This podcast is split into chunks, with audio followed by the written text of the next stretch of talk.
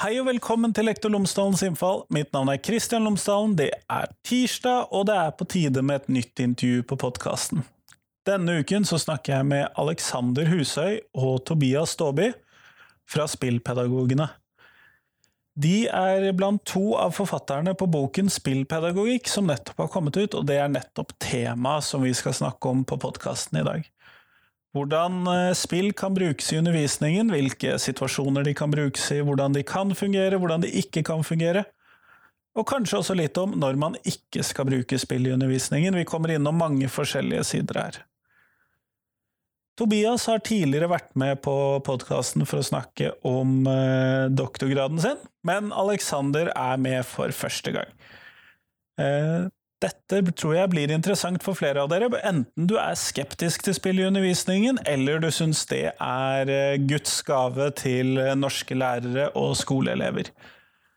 Så i hvert fall, det får du nå på dagens intervju. Ellers så kommer det etter intervjuet, så leser jeg opp noen av de responsene som har kommet inn på Tenketorsdag-posten om hva ville fått deg til å velge hjemmeundervisning. Det kommer etterpå.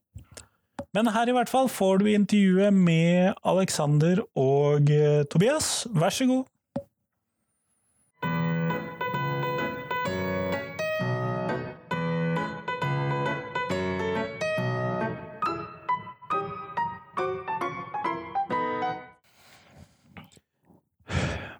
Alexander Husøy og Tobias Staaby, tusen takk for at dere har blitt med på podkasten i dag. Jo, det er bare hyggelig. Ja, Takk for at vi får lov til oss å være med. Før vi starter selve intervjuet, så skal dere selvfølgelig fortelle tre ting om dere selv, sånn at lytterne mine kan bli litt bedre kjent med dere. Tobias, du har vært med før, så Alexander, du får lov til å starte. Ja. Jeg er tre ting, skal vi se da. Jeg eh, jobber som eh, lærer og spillpedagog ved Nordahl Grieg videregående skole. Det har jeg gjort det i de siste ti årene som lærer, og de siste ca. seks som spillpedagog. Uh, ja, er dette sånn type liker skoger i tur og mark og sånne ting? Det, Det velger du selv. det velger jeg selv. Nei, men da kan jeg gjøre sånn uh, interessante ting som har skjedd i det. Altså, jeg er bronsemester i Bergensmesterskapet i quiz. Der uh, deltok jeg på Bergen spillfestival nå, nå for et par dager siden. Det er en av mine prides and glories uh, for tiden. Med god Uh, grunn. Ja. Og nei, ellers uh, mm, 30 år gammel Nei, det er jeg ikke. Jeg er mye, mye mer enn 30 år gammel. Freudian slip. Eh, 34 år gammel, to, to barn og en kone hjemme, og ja, jeg er nå ellers en ganske hyggelig fyr, har jeg fått høre. Mm. Det kan jeg skrive under på. Det er mye mer enn tre ting. Liksom. Neida. Ja, men det er jo en definisjonsspørsmål. Ja. Kategorier. Eh, Nå har jeg fått juksa litt og fått litt tid til å tenke på hva, eh, mens Alexander snakker. Neida. Um, jeg husker ikke hva jeg sa sist, men jeg kan vel fylle opp med Eller satse med at jeg, eh, jeg jobber på Nordic sammen med Alexander. Eh, men de neste to årene så skal jeg ikke jobbe som lærer. Da skal jeg jobbe fullt og helt med ei doktoravhandling om dataspill og undervisning.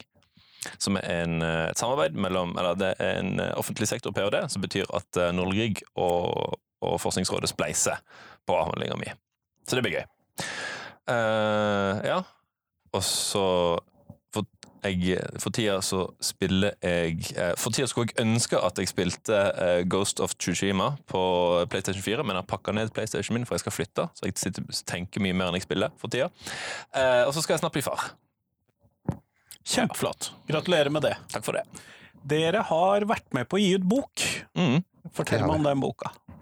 Ja, dette er jo uh, i vår store stolthet nå for tiden. Uh, spillpedagogikk. Og spillpedagogikk, det er da den boken som uh, vi gjerne skulle ha lest når vi begynte å jobbe med spill for en, ja, ca. ti år siden i, uh, siden skolen. Hvor vi uh, egentlig har destillert de erfaringene og det vi har, det vi har opplevd med bruk av spill gjennom de siste ti årene, sammen da med to andre forfattere, Odin Nøsen og uh, Jørund Skau. Eh, og dette tenker vi at det er en bok som absolutt alle lærere bør lese. For det at eh, vi har en sånn tanke om at spill det er noe som absolutt alle lærere bør vite i alle fall noe om. Mm. Ja, det er en selvhjelpsbok, rett og slett. I hvert fall det meningen skulle være. Um, Akademisk sjølhjelpsbok. Ja, og og så har vi prøvd å ikke gjøre den for akademisk, eh, og hvis han er for akademisk, så er det kanskje min, mest min feil. Um, men ja, det, det, det, altså, vi har, det er litt sånn eh, tips og råd, men, men, men med, med ei hva skal jeg si, didaktisk og pedagogisk innpakning. Altså med, med didaktisk og pedagogisk begrunnelse av ulike perspektiver for spill i skolen. Um, og så er den òg, uh, iallfall det jeg syns kanskje det viktigste bidraget er, personlig iallfall, og det tror jeg dere, du er enig med meg òg, Aleksander, at um, det er fortellinger fra, fra gulvet, holdt jeg på å si, som er danna utgangspunktet for denne boka. Veldig mye av det jeg sjøl i alle fall leser, eh, når det gjelder liksom, eh, tips og råd og veiledninger for lærere som vil bruke spill i skolen, er at de ofte, de ofte skriver av folk som ikke sjøl bruker spill. Eh, så det syns jeg er litt pussig. Som skriver om spill, men ikke bruker de selv. Ja, veldig mye av ehm, Jeg tror jeg skal sitere en av mine forbild, akademiske forbilder, eh, Jonas Linderoth, som sier at det er veldig Som er en svensk professor ved Universitetet i Göteborg, tror jeg. Um, at det er mange flere som snakker om spill i skolen, enn som folk som bruker det. Det er litt som været. Altså, det er litt sånn Veldig mange snakker om været, ikke så mange som melder det, holdt jeg på å si. Men det er jo en del begreper som vi bruker her. Dere har kalt boken for spillpedagogikk. Vi har spillbasert læring, læring, undervisning. Kan vi, vi hva, hva er det snakk om? Ja, um, hva skal vi si? Bok, spill, ordet spillpedagogikk er jo et, et si, forsøk på å skape et, et nyord som vi håper skal sette seg etter hvert. Uh, men det er altså en, et forsøk på å lage noen fagovergripende uh, prinsipper for hvordan man integrerer spill i undervisning, rett og slett. Man kan se på boka som tredelt, der eh, den, den, noen deler snakker om man eh, eh, å undervise, å undervise med spill og om spill. Eh, og det, I tillegg til det å lære av spill, altså selve spillinga. rett slett. Eh, boka er vel mest fokusert på det å lære, undervise, lære å undervise med spill og om spill. Um, ikke så mye av det du lærer av bare å spille. Ja, altså noe mer enn at det er et nyår. Det er jeg, altså, jeg tenker at mye av dette handler om å prøve å konkretisere både et akademisk felt og et praksisfelt med uh, uh, Altså med en tydeliggjøring av uh, hva er det god undervisning hvor spill inngår som en komponent, Mm. kan være. Hva er det som Altså I veldig mye av diskursen av spill og læring så handler det om hva Altså, hva kan individer lærer av spill uten at man ser på klasseromskonteksten som en del av dette her. Så dette her er Altså, mye av dette her går på når man skal ta spill inn i formell undervisning. Hvordan er det vi da skal angripe dette mm. ja, kulturobjektet som spiller? Og så er boka òg et forsøk på Eller et, et, eh, et av bokas mål, da, sånn som jeg ser det, òg et forsøk på å, å, å, myndiggjøre læreren i større grad. Og, og ta, ta litt sånn kontroll over deler av diskursen eh, som, som gir handlekraft og myndighet tilbake til læreren, for den er i veldig stor grad definert av noen som skal selge noe. 'Hei, skal du bruke spillet i skolen?' Du Her er spillet mitt. ja, her er spillet mitt. Nå er det litt sånn selvmotsigende at jeg just har, vært med, siden vi har skrevet 'Å selge ei bok'. som skal liksom Men, men det, som sagt, det er selv, hjelp til selvhjelp er jo målet. Eh, fordi at veldig mye av eh, det som kommer ut bare, blir, som, blir det som altså Bare se hvor det det massive liksom, industrielle komplekset som, som Minecraft har blitt en del av. Eh, som har total dominans nesten i mange steder. Jeg sier ikke at Minecraft er et dårlig undervisningsverktøy, nødvendigvis, men, men, men undervisninga blir ikke magisk god bare fordi du tar i Minecraft. At det er fortsatt læreren som må stå for det didaktiske designet. Gjerne i, gjerne i samarbeid med elevene, men det er læreren som er den viktigste Eller det, det er det sosiale samspillet i klasserommet som er det viktigste for undervisning, mener vi i alle fall. Det er ikke dingsen eller appen eller spillet du bruker. Ja. Ja, og Noe vi er ganske overbevist om, egentlig, ja, både meg og Tobias og de to andre som har vært med å skrive denne boken, det er at, sånn at spill det er noe som kommer til å komme mer og mer inn i undervisning og mer og mer inn i skolen i årene som kommer. Og noe vi syns er kjempeviktig, det er at det er eh, det er lærere som jobber i skolen, som da skal få definere hva er det dette her egentlig er, heller enn ja eh, eh, Produsenter av edtech og læringsspill som eh, Uh, som hvis det ikke finnes uh, Altså, hvis det ikke finnes tilstrekkelig kompetanse på skolene til å vurdere hva er god eller mindre god læring med spill, så uh, kan vi fort komme i en situasjon hvor det er produsentene som Mm. definerer dette. Og det, det ville ikke vært en god utvikling. Nei, det vil vi unngå. Mm. Mm. Nettopp. Men Aleksander, du er jo engelsklærer, så vidt jeg husker. Ja, engelsk og samfunnsfag. Engelsk og samfunnsfag. Og da, hva slags type spill er det du trekker inn, inn i din undervisning? Ja, er sånn det, er sånn, Nå er det flere ulike typer av spill som jeg gjerne tar inn, men når vi tenker engelskfaget, engelskfaget så er det særlig å se på spill som litteratur som er det som jeg er opptatt av. Og når vi ser på spill som litteratur, så handler det om også eh, eh, oppleve og analysere og jobbe med narrativen i spill. Hvilke, eh, altså, hvilke, altså, hvilke historier er det spill kan fortelle, og hvilke eh, ideer og tanker og følelser osv. er det de kan formidle. Sånn at når, eh, når vi da skal jobbe med et spill, så veldig mye av de skoleoppgavene eller arbeidsoppgavene som vi gjør rundt dette spillet, de er veldig nært beslekta det som man ellers gjør med filmer eller noveller eller romaner. Men det som er noe av utfordringen med å bruke spill på samme måte som film eller romaner, eller hva det er, det er at, altså, at spill per definisjon er både mer kompleks, altså det er flere komponenter ved et spill enn det det er ved, altså, enn det det er ved eh, er ved, er ved filmer og romaner. Eh, og det er også en mye større variasjonsbredde i hvordan kan et spill se ut. For at, så lenge man har lest en bok, sant eh, eh, altså, og mm, siden eneste boken eh, du har lest, det er mm, Gutta i trehuset, som jeg bruker som eksempel, for det er den dattera mi leser akkurat nå. Uh, og altså, dattera mi hun, hun er jo da uh, seks år gammel nå, og uh, når hun da plukker opp neste bok som hun skal lese, det er kanskje Gutten i trehuset 2, vil ikke overraske meg, men så den, Altså, hun vil da vite når hun plukker opp neste bok, hvordan den skal forseres. Sant? Man begynner på side én, og så blar man videre til side to og side tre. Og hvis hun da hadde plukket opp Ulysses, eh, så er jo det en bok som er altfor altså, alt for, alt for både språklig og innholdsmessig kompleks for henne. Uh, for. Potensielt for tung. Og... Uh, Potensielt også, potensielt også for tung.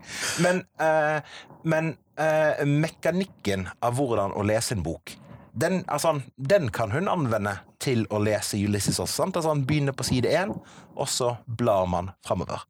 Men med spillene så, eh, altså, så er det Altså, så er det så enormt stor variasjonsbredde i hvordan man som spiller skal interagere med spillet. Noen spill styrer du med piltaster, noen spill styrer du med mus, noen spill krever eh, krever hurtige handlinger, noen spill krever ulike former for problemløsning.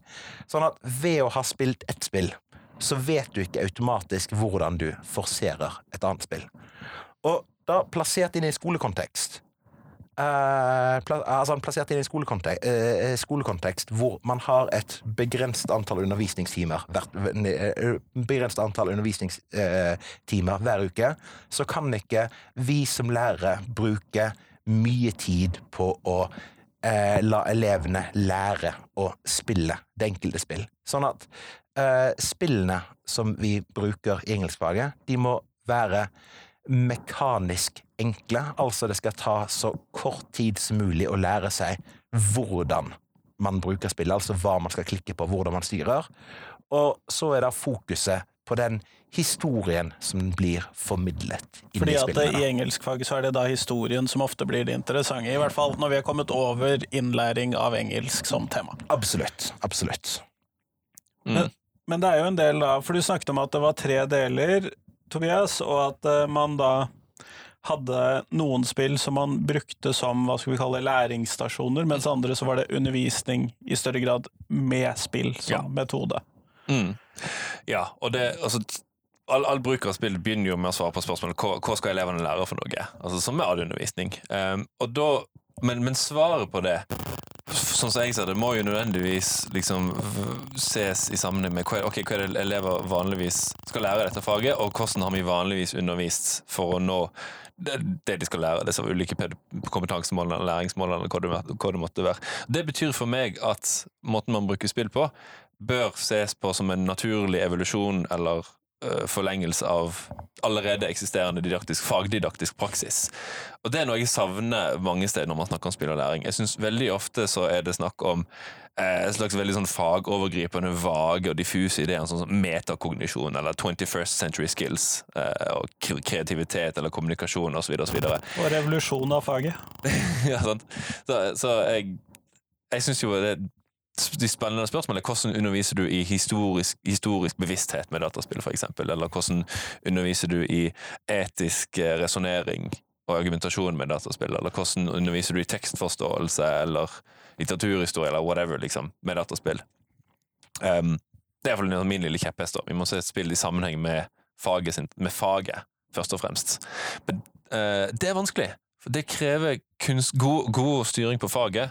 Og god styring på de enkelte spillerne, eksempel. Alexander har eksempel brukt Civilization, eh, og er de første, et av de første eh, stegene dine ut i dette store havet, som er spill og læring, var det ikke det, Alex? Ja da. Ja. Det, og Uh, ja, når jeg brukte Civilization uh, første gangen Jeg trodde at jeg hadde funnet, uh, altså, funnet uh, de vise stein. At det, mm. dette her var nøkkelen til all, uh, til all god undervisning framover. Og, og, sånn, og altså, det å undervise med komplekse spill, som da Civilization er. Altså, uh, Civilization det er da et forholdsvis komplekst turbasert strategispill. Eh, som krever at man investerer ganske mange, mange timer i spillet for å både skjønne spillets Mm. interne logikk, men også der hvordan det skal anvendes. eh, eh, ja, anvendes til Mm. de tingene vi vil at elevene skal lære noen ting utenom spillet. Men eh, det, er også, altså, det er også et spill som er veldig sårbart å bruke i skolen. Det er litt av samme eh, altså, Med de samme utfordringene med valg av spill i engelsk, sant? At eh, altså, fordi at man uh, altså, fordi man må forvente at elevene skal bruke mye tid på å lære spillmekanikk som ikke er direkte overførbart til faget Mm. enda.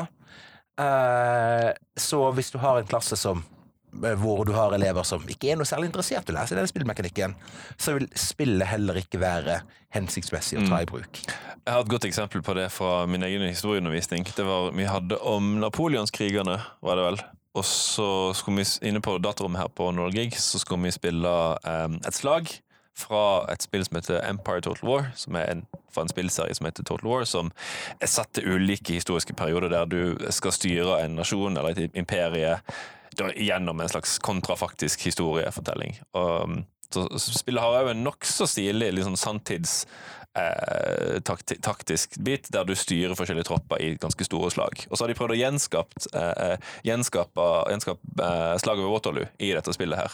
Og satte, rigger jeg opp til multiplayer-match inne på datarommet med jeg tror det er tre eller fire spillere på hvert, på hvert lag. Eh, som styrer forskjellige tropper. Og så de altså, spilte de ferdig slaget og, og, sånne ting. Og det funker kjempebra for de elevene som eh, allerede kjente litt til denne typen spill, og ikke måtte lære, strevde så mye, ikke strevde så mye med å liksom få til kontrollene. Eh, eh, og som allerede syntes den typen spill var gøy, for de funka det veldig bra. For de eh, som satt og så på eh, For noen var veldig engasjerte, og noen fulgte godt med, mens andre skjønte ikke vitsen og syntes det her var fryktelig kjedelig. Det hjelper vel hvis man er vant til å se livestreams av forskjellig er e-sport. Definitivt en literacy-element her, ja. Eh, Dataspillkultur, kulturell literacy, rett og slett. Også de, og poenget mitt var jo selvfølgelig ikke bare slaget, men, men vi skulle diskutere denne spillet som Altså, vi skulle diskutere til hva skjedde i slaget. Eh, spoil, eh, her I dette slaget så døde Napoleon. Eh, og da okay, snakket vi ok, hva hadde skjedd hvis han faktisk døde på ordentlig, og hva liksom uh, viste de et diagram fra Wikipedia og spurte de hva er dette for noe, og så sa de med en gang å det er jo det slaget vi nettopp spilte, og så diskuterte vi hvor historisk troverdig dette her var, osv.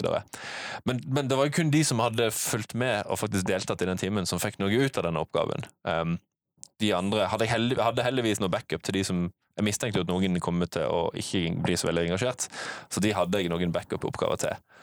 Men det er jo et eksempel på at for at noen elever skal få noe ut av et forholdsvis komplekst spill, som det Empire Total War er, så må de enten ha litt sånn kulturell literacy-bagasje fra før, eller så må du bruke, som Alexander sier, igjen litt sånn unødvendig tid på å lære dem det.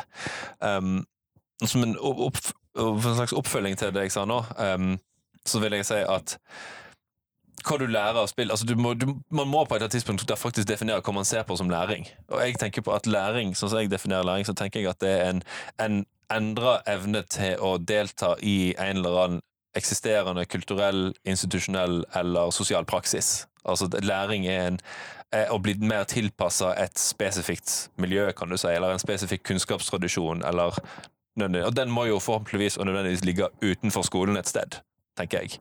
Um, så, så, og læring da setter spor i e, elevene sine handlinger og ytringer. Hva de sier, hva de gjør, hva de skriver i oppgavene sine osv. Da tenker jeg at, at min jobb som lærer er å, å legge, liksom, dekke på en måte opp til koldtbord. Jeg, gir dem et, et, et, et, utvalg av det vi kan kalle ressurser. Det skriver vi en del om i boka. Ressurser til å eh, eh, eh for, designe og formulere sine egne forsøk på å, på å delta i disse her kunnskapstradisjonene. Historisk tenkning og historiebevissthet kan være en av de, for eksempel, eller kunnskap om verdenshistorie kan være en av de. Så da er jo på et år er jo kun nyttig i den grad elevene kan bruke det til å tenke historiefaglig med, og, og si og ytre og skrive ting som er i tråd med historiefaget sine, sine briller, og se verden på. Hvis det make, make sense, holdt jeg på å si. Og hvis de ikke gjør det, så er det jo litt sånn, Da stopper jo maskineriet litt opp. Og da blir læreren sin jobb å, å liksom skjære bort de delene av spillet som kanskje ikke er ressurser elevene kan tenke med der og da. Det ser jeg ofte på de lærerne som jeg observerer i min avhandling som spiller, bruker The Walking Dead for å, lære, eh, for å hjelpe elevene å lære å bruke etiske teorier. Så er det noen deler av spillet som handler om å skyte zombier fort i hodet. Eh, ja, Man kan jo diskutere hvorvidt det er etisk forsvarlig å skyte en zombie i hodet, men det er vi ikke så interessert i. Og de, Det er en rent sånn spillmekanisk utfordring, og de begynner jo å være ferdig med så fort som mulig. Og da ser jeg at hvis eleven dør om seg to-tre ganger i løpet av denne spilleomgangen, her, så stopper måte det faglige momentumet litt opp. Um, så de bitene av spillet, iallfall når vi bruker kommersielle dataspill som er lagd for underholdning, så må, tenker jeg at læreren sin jobb er jo på en måte å hjelpe elevene å ja, skjære bort det overflødige, på et vis.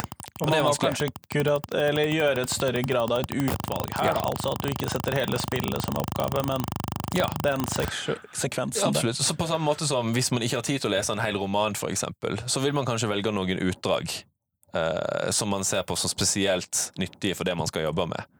Eh, det er kanskje Ja, jeg skal ikke gå ut på en ny avsporing, men de fleste lærere som hører på her, skjønner sikkert hva jeg mener. det gjør antagelig det. Men er det noen ting som dere tenker at det er nyttig hvis man som ny lærer, sånn sett bortsett fra å lese boka deres, eller ny lærer i dette, eh, skal bortsett fra å lese boka deres, hva, skal, hva, bør man tenke på hvis man skal begynne å blande inn spill inn i denne undervisningen som de skal gjøre? Nå tenker du eh, helt uh, generelt? Uh, hva, Litt altså, generelt, ja, men gjerne også bestemt på fag, hvis det er noen sånne ulike ting som ja. dere tenker på ut ifra deres fag. Ja, nei, sånn at uh, Det første er jo sånn at å være bevisst på hvorfor er det du skal ta spill inn i undervisningen din i utgangspunktet. Sånn at, og tenker man det at spill det er noe som bør inn i undervisningen min fordi at ja, spill er jo gøy, eller tenker man at spill er noe som skal inn i, eh, inn i undervisningen fordi at dette her skal først og fremst være noe som skal motivere disse her eh, stakkars umotiverte elevene som trenger ja, eh, trenger konstant underholdning for å ja, altså, eh, For å få noe læringsutbytte. Så, altså, så, så, ikke det, så ikke det der man skal, der man skal starte. Det, altså, eh, altså Først av alt, når man da skal bruke spill i undervisning for Uh, for aller første gang. Jeg tenker start så enkelt som overhodet mulig. Altså, man vil etter hvert oppleve det at det er ganske mange både tekniske og logistiske utfordringer som du mm. kommer over når du skal bruke spill i skolen. Og dette er da tekniske og logistiske utfordringer som går ganske langt utover det å skaffe den riktige filmen som du har lyst til å se, eller skaffe det klassesettet med romaner mm. som du har lyst til å så... Som i seg selv kan være vanskelig nok. Vi, absolutt. Absolutt. Det, uh, men ja, altså, uh, altså, Mange spill vil by på en del sånn tilleggsutfordringer der.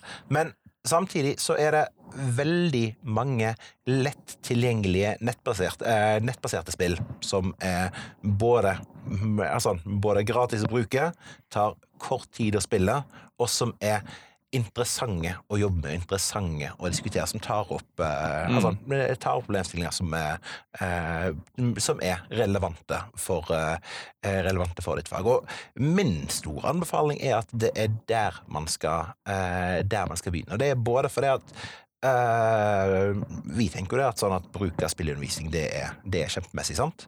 Men eh, både meg og Tobias vi har hatt uh, og opptil flere erfaringer med spillopplegg som vi har kjørt, hvor ting ikke har gått så bra som vi skulle ønske at det hadde gått. sant? Og når, ja, når vi da feiler som lærer, når vi da har et opplegg som ikke treffer, mye bedre at det er et opplegg som skal vare i 45 minutter, enn at det er et opplegg som skal vare i fire uker. Uh, og med en del av disse nettbaserte spillene, da, så er det da spill som tar kanskje så lite som fem til ti minutter å spille gjennom, men som eh, altså, men som er et super utgangspunkt for videre refleksjon, analyse, diskusjon i klasserommet. Eh, et spill som jeg har veldig sans for både i engelskfaget og i samfunnsfaget, for eksempel, det er et spill som heter Spent. Og i Spent det tar vel en ca. 25 minutter å spille. Og konseptet der det er at du, du spiller som en amerikaner som lever sånn omtrent på fattigdomsgrensen. fattigdomsgrensen. Working poor er uttrykket som eh, de bruker eh, eh, som de bruker i spillet. Sånn arbeidende underklasse er sånn jeg har, eh, eh, har oversatt De det. som tjener litt for lite til å klare å livnære seg fullstendig gjennom jobben. Yes, ja. ja. Eh, og da er dette da et simulatorspill hvor du da spiller den, den amerikaneren over en måned og må ta en serie med økonomiske valg, type guttungen, uh, guttungen er invitert i bursdag, skal du sende han, skal du ikke sende han, skal du sende med en gave, skal du ikke sende han med en, med en gave. Uh, du har plutselig veldig vondt i tanna. Tannlegeregningen vil komme på 500 dollar. Går du til tannlegen, eller fortsetter du å ha vondt i, fortsetter du å ha, fortsetter du å ha vondt i tannen? Og så er det da en rekke med sånne her små økonomiske dilemmaer som kommer ja, ganske sånn uh, rett uh, Altså, uh, altså eh, Ganske sånn rett etter hverandre.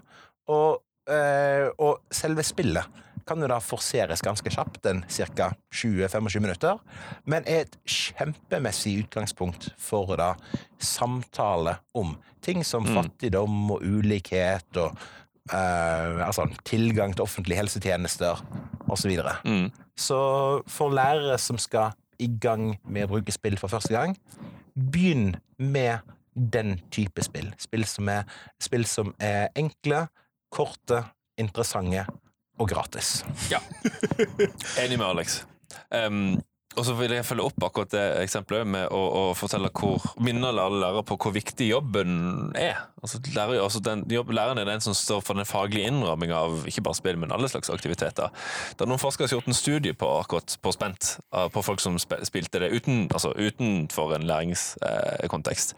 og de fant ut at de menneskene som allerede var litt sånn hva skal si, uempatisk innstilt til akkurat denne samfunnsgruppa, de fikk sine fordommer bekrefta. Fordi de sa jeg, altså, jeg har vunnet dette spillet, jeg sitter jo med penger på kontoen på slutten av måneden, det er ikke synd på de fattige.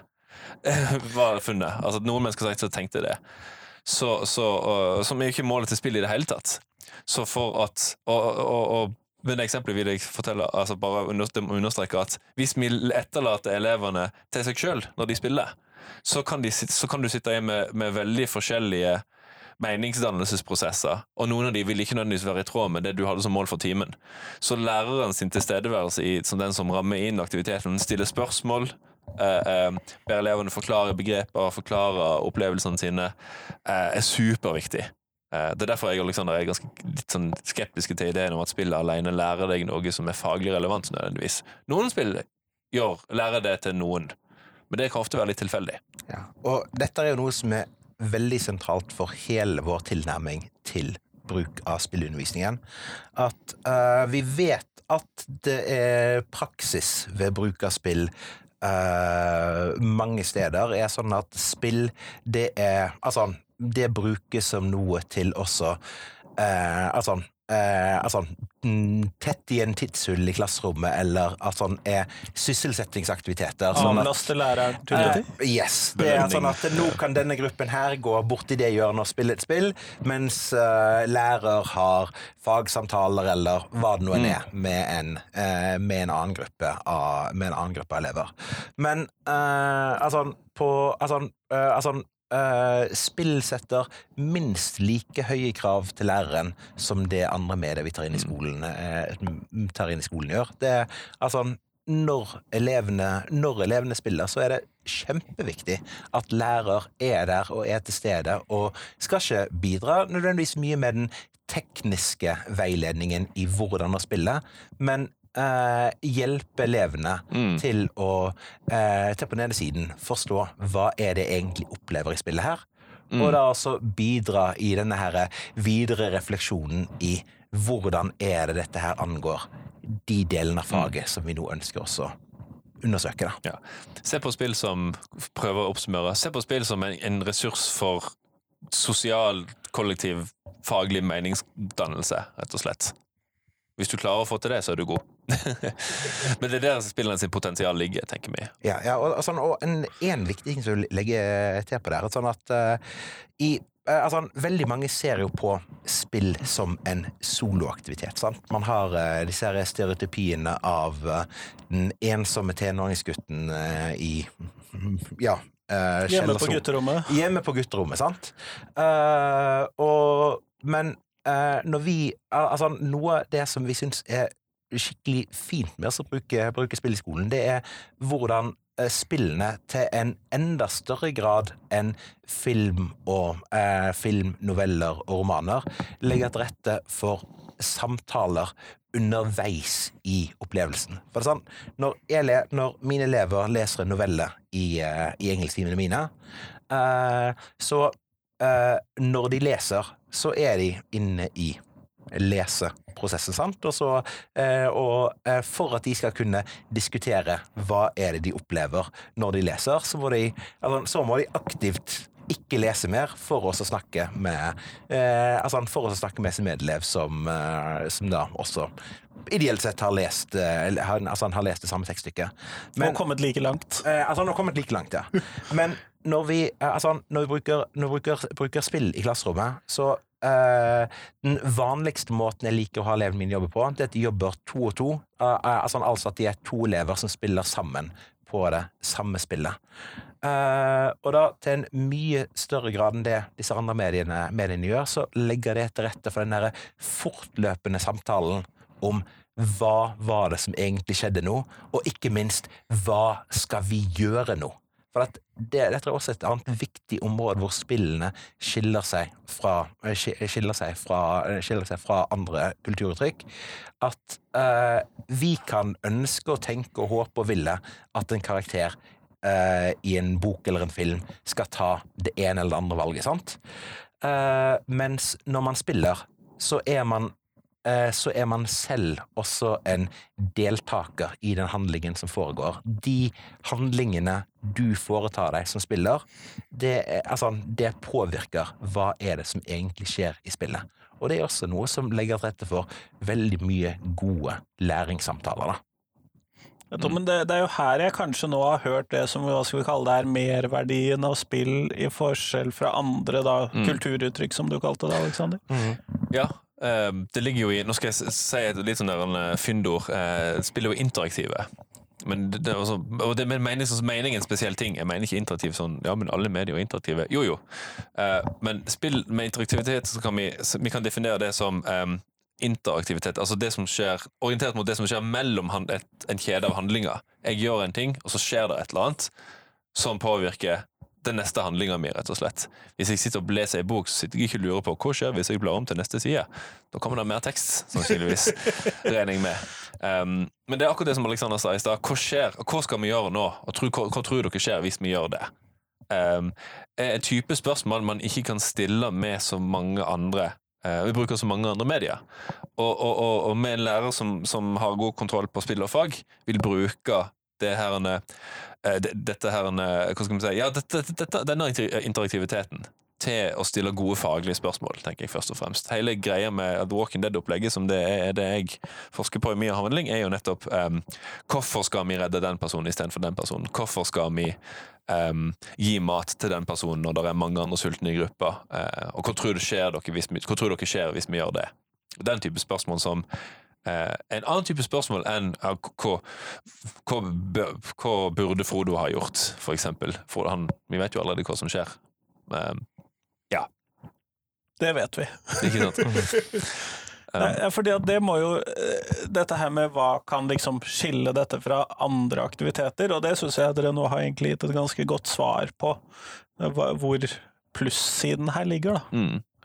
Og det er kanskje ikke den plussiden man tenker på ofte, for når jeg har hørt om spill i undervisning, så har det ofte liksom vært litt mer som du beskrev dette med da kan vi sette elevene til å lære noe her Mm. helt alene. Ja. Det, det at elevene er engasjert og holder på og si, har noe å gjøre, er ikke det samme som læring, nødvendigvis.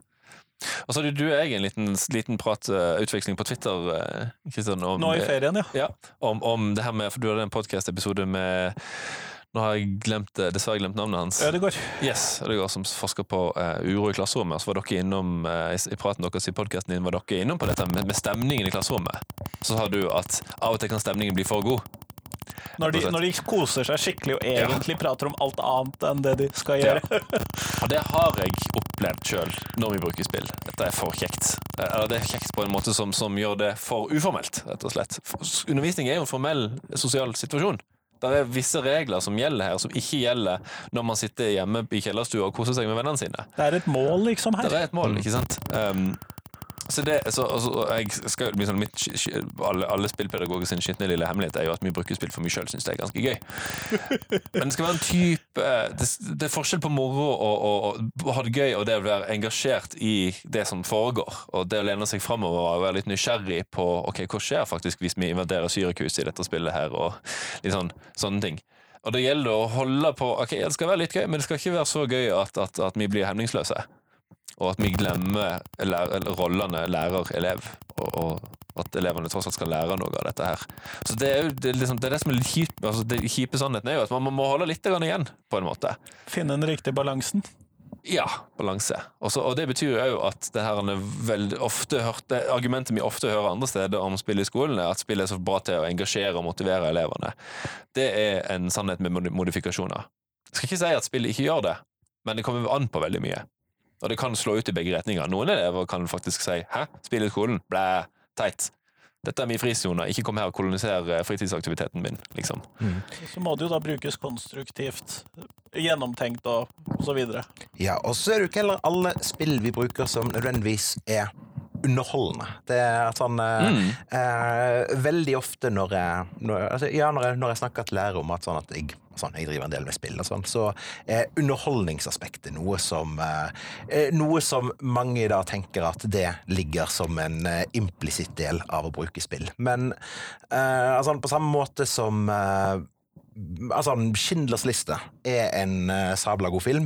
Den er ikke veldig underholdende. den er ikke veldig underholdende. Og, og, altså, og litt samme altså, Det å være bevisst på at innenfor spillmediet så finner du også Schindlers liste-type spillene. Det et av de spillene som jeg har vært uh, ordentlig begeistra for å bruke undervisning de siste, uh, siste to årene. Det er jo da et uh, norskprodusert spill, eh, My Child Lebensborn, hvor konseptet er at du spiller som fostermor eller fosterfar til et eh, til et tyskerbarn, altså et eh, barn i etterkrigstidens Norge, med norsk soldatfar og Nei, unnskyld. En tysk soldatfar og en norsk mor som da har valgt å gå fra dette barnet. Og eh, din rolle i dette spillet, det er også å gi dette barnet en så god oppvekst som overhodet mulig. Samtidig som man opplever ganske tid, eller man vil oppdage ganske tidlig at det er ingen kjempegod oppvekst du kan gi dette barnet, uansett hvilke, hvilke valg du tar. Sånn at det, altså, eh, som spill så er det et ganske, en ganske kjip opplevelse, for den gir deg det ene slaget i magen etter det andre. Men, eh, altså, men den formidler en interessant historie, og gir en nærhet til gir en nærhet til en historie som ja, norske skoleungdom bør kjenne til. Men som kan det være vanskelig å leve seg inn i ellers. Nettopp. Og, altså, og, altså, og, og det er det når, altså, når man som spiller er nødt til å ta aktive valg, selv om alle valgene er dårlige, så skaper det en I alle fall for mange av elevene mine så har jeg sett at det skaper en ansvarsfølelse for denne her virtuelle karakteren. Altså, eh, elevene er jo fullt bevisst av at dette mennesket de ser på skjermen, det er ikke et ordentlig menneske. Det er eh, altså eh, eh, dette, er, dette er en karakter i et spill, men gjennom, gjennom de valgene man må ta, så bygger man allik- allikevel en, allikevel en omsorg for dette barna, som etter Altså eh, Min hypotese her i alle fall er at dette også kan være et verktøy til å bygge empati for andre barn som, eh, altså, som har en kjip oppvekst. Enten det er eh, barn i etterkrigstiden, eller det er barn som har en kjip oppvekst i den tiden vi lever i nå. Alexander er inne på et kjempeviktig punkt her, akkurat her, med nettopp at, at spill må både for elev- elevenes og lærernes side spille med en viss innstilling og en viss hensikt. Hvis du ser på My Child Lemonsborn som en spillmekanisk utfordring, et, et sett av regler som skal vinnes på samme måte som man skal vinne i yatzy, f.eks., så funker det ikke. Fordi at man må være emosjonelt og engasjert i det som foregår. Et eksempel fra, fra mitt eget materiale. Når en av, en av kollegene mine som jeg, jeg sitter og observerer, går bort til en gruppe elever og spør eh, de om Ja, men eh, Kom med hun jenta her, altså ei jente i Walking Dead som heter Clementine, som, som spiller, den man, hovedpersonen man spiller, etter hvert får et slags, sånn slags surrogat far- og datterforhold til, fordi foreldrene til Clementine er, er borte da. Um, og så spør kollegaen min og spør de om ja, hva, hva skal vi gjøre med Clementine i dette tilfellet. her? Hvordan skal vi liksom oppføre oss overfor henne? Og så er det en, en av elevene som sier ja, vi taper jo hvis hun dør. Så vi sørger for at hun ikke dør, for da taper vi. Og hun bare hæ, liksom? Nei, men det er jo ikke det som er greia. Og da, Denne eleven var da i en modus der en typisk liksom, Det er en svensk forsker som heter Anders Frank som kaller det, det akkurat dette her, han kaller det for gamer mode. Som er akkurat det, ja, men Du skal man- vinne spillet. skal vinne spillet. Gjerne over noen andre. Eller mot spillet, men du skal iallfall vinne. Du skal iallfall ikke tape. Så eh, denne eleven var inne i gamer-mode, rett og slett. Um, og det er iallfall hvis man sjøl som lærer ikke er så obs på liksom, gaming som en kulturell praksis. Og, og, og, ikke er bevisst på at dataspill har en egen betydning i visse av disse herrene gamer-subkulturene.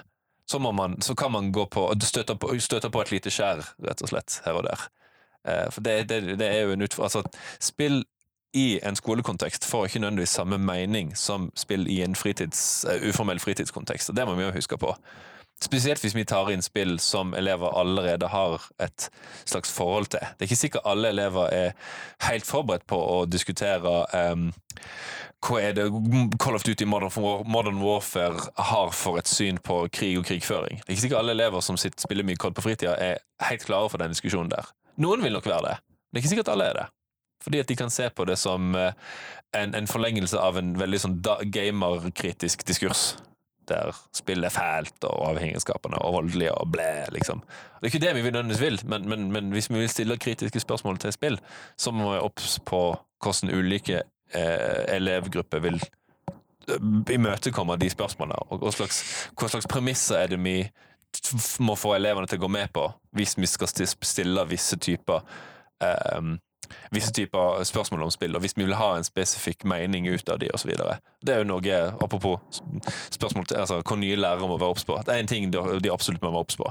At det er, det er et krasj, kanskje et krasj mellom skolekultur og gamerkultur, i noen tilfeller. De som, elevene som ikke er aktivt med, aktive medlemmer av uh, ulike typer gaming-subkulturer, er kanskje lettere å få med på skolen sine premisser for å bruke spill i klasserommet. Kanskje. Dette, dette er anekdotisk bevist, riktignok, men det er noe å tenke på. Jeg tror jeg skjønner. Mm. Vi går mot slutten av podkastintervjuet, og da har jeg mitt faste spørsmål til dere, og det er hva er de tre viktigste tingene skolen kan lære elevene? Aleksander? Uh, ja, det mm,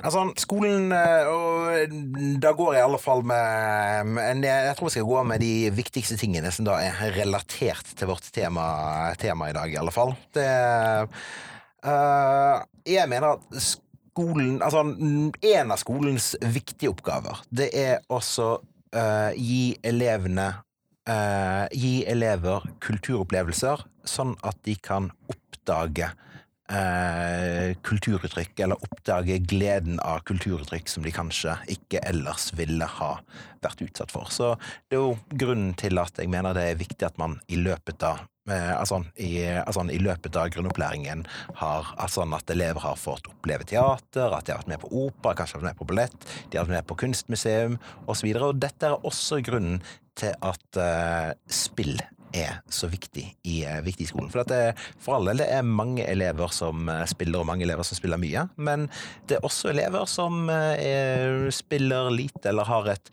veldig begrenset forhold til, begrenset forhold til spill. Og delvis for også kunne, altså, kunne gi større verdi til de kulturmøtene som spillerne har med de spillene de har, altså til å bedre forstå de spillene de møter.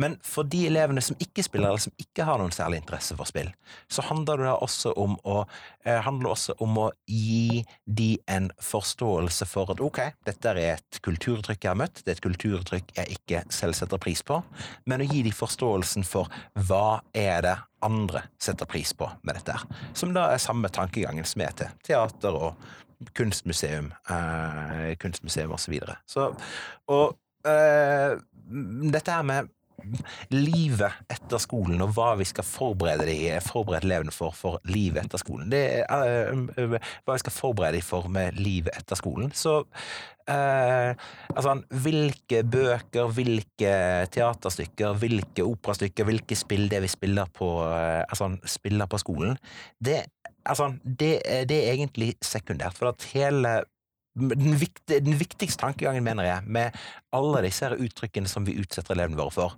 det er altså å kunne gi dem en uh, Nå skifter jeg til engelsk. En better appreciation av uh, det kulturmangfoldet som er der ute. Og Nå mm. svarte jeg ikke helt på spørsmålet ditt, men jeg holder meg til dette svaret likevel, selv om det bare var én stor ting heller enn tre ting. Det går helt fint. Tobias? Yes. Yes. Da uh, svarer jeg rett og slett det som min, den praksislæreren jeg hadde da jeg selv var i praksis i videregående. Og jeg spurte, jeg spurte henne om akkurat det samme. Da sa hun jeg håper jeg kan lære de å tenke. Så jeg svarer egentlig det. Jeg håper jeg kan, Skolen sitt ytterste mål tenker jeg, å lære elevene å handle handle eh, og, og tenker og deltar i verden, rett og slett. Ja, Kjempeflott. Tusen takk, begge to. Tusen takk. Takk.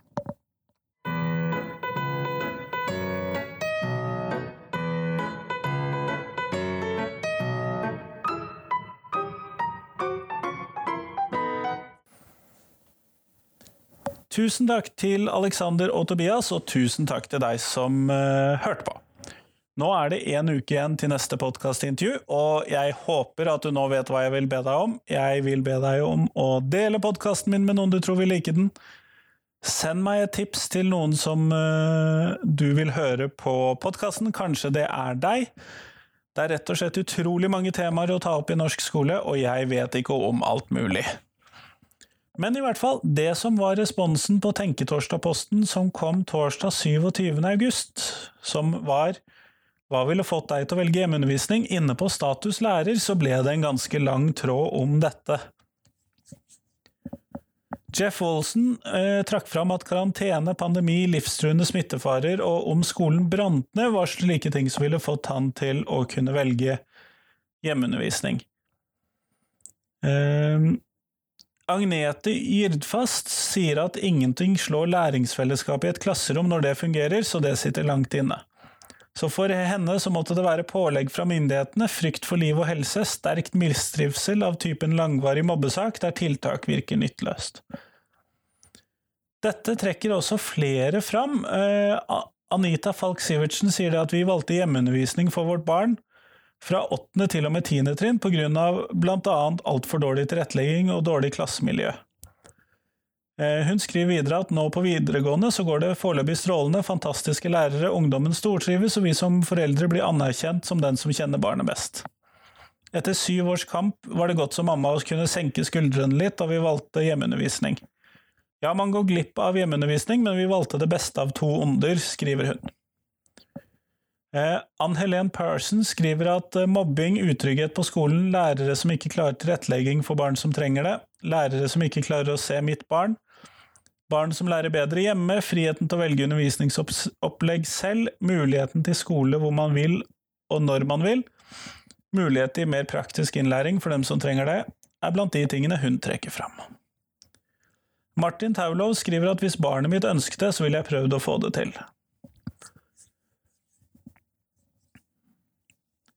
Uh, Iris Magnussen skriver at 'jeg har vurdert det for det fleksible livet det vil kunne gi', mens Jorunn Hovland skriver 'sykdom'. Uh, har vært nødt til å vurdere det noen ganger de siste årene, men jeg alene kan aldri erstatte fem lærere, 15 nære venner og 500 medelever. Uh, uten at tallene er ment å være veldig spesifikke, skriver hun. Ellers Sigrid Bradley skriver skolevegring, mobbeofre, sosial angst, eventuelt andre faktorer som fører til stor utrygghet i klasserommet, hun har sett flere elever blomstre på hjemmebanen, ganske enkelt fordi det sosiale på skolen var en utfordring som hindret dem faglig. Hun ville nok fortsatt ikke sett på hjemmeskole som permanent løsning, men definitivt et hjelpemiddel. Lars Sandåker, han er en uh, kjent mann på podkasten, sier det at jeg er av den oppfatning at nesten alle som velger hjemmeundervisning i Norge, gjør det av årsaker som har med et barn som mistrives, mobbes osv., og, og nesten aldri fordi de er motstandere av det skolen står for og fellesskapet den kan gi. Han skriver videre at det er veldig fint at dette temaet diskuteres mye for tiden, for jeg tror det har en forsonende virkning. Vi innser at vi er enige svært mye her, og de som tar barna ut av skolen, gjør det ofte i ren desperasjon. En følelse som sikkert mange av de som jobber i skolen kan forstå, når man ser hvordan noens barns skolehverdag kan bli vanskelig. Det er ikke alltid vi voksne lett kan fikse problemet. Skolen trenger en sikkerhetsventil som er både anerkjent og lett å bruke, og det er nok ingen fare for at mange velger denne løsningen.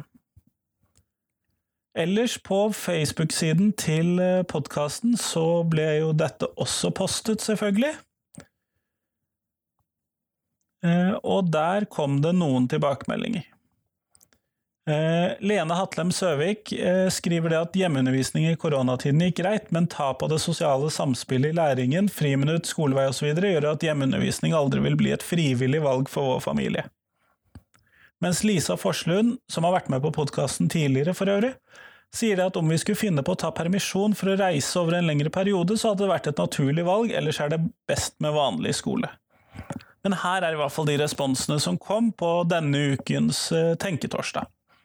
Send meg gjerne noen uh, tanker du har omkring både omkring Tenketorsdag-spørsmålet, men også om de svarene som kom inn til dette.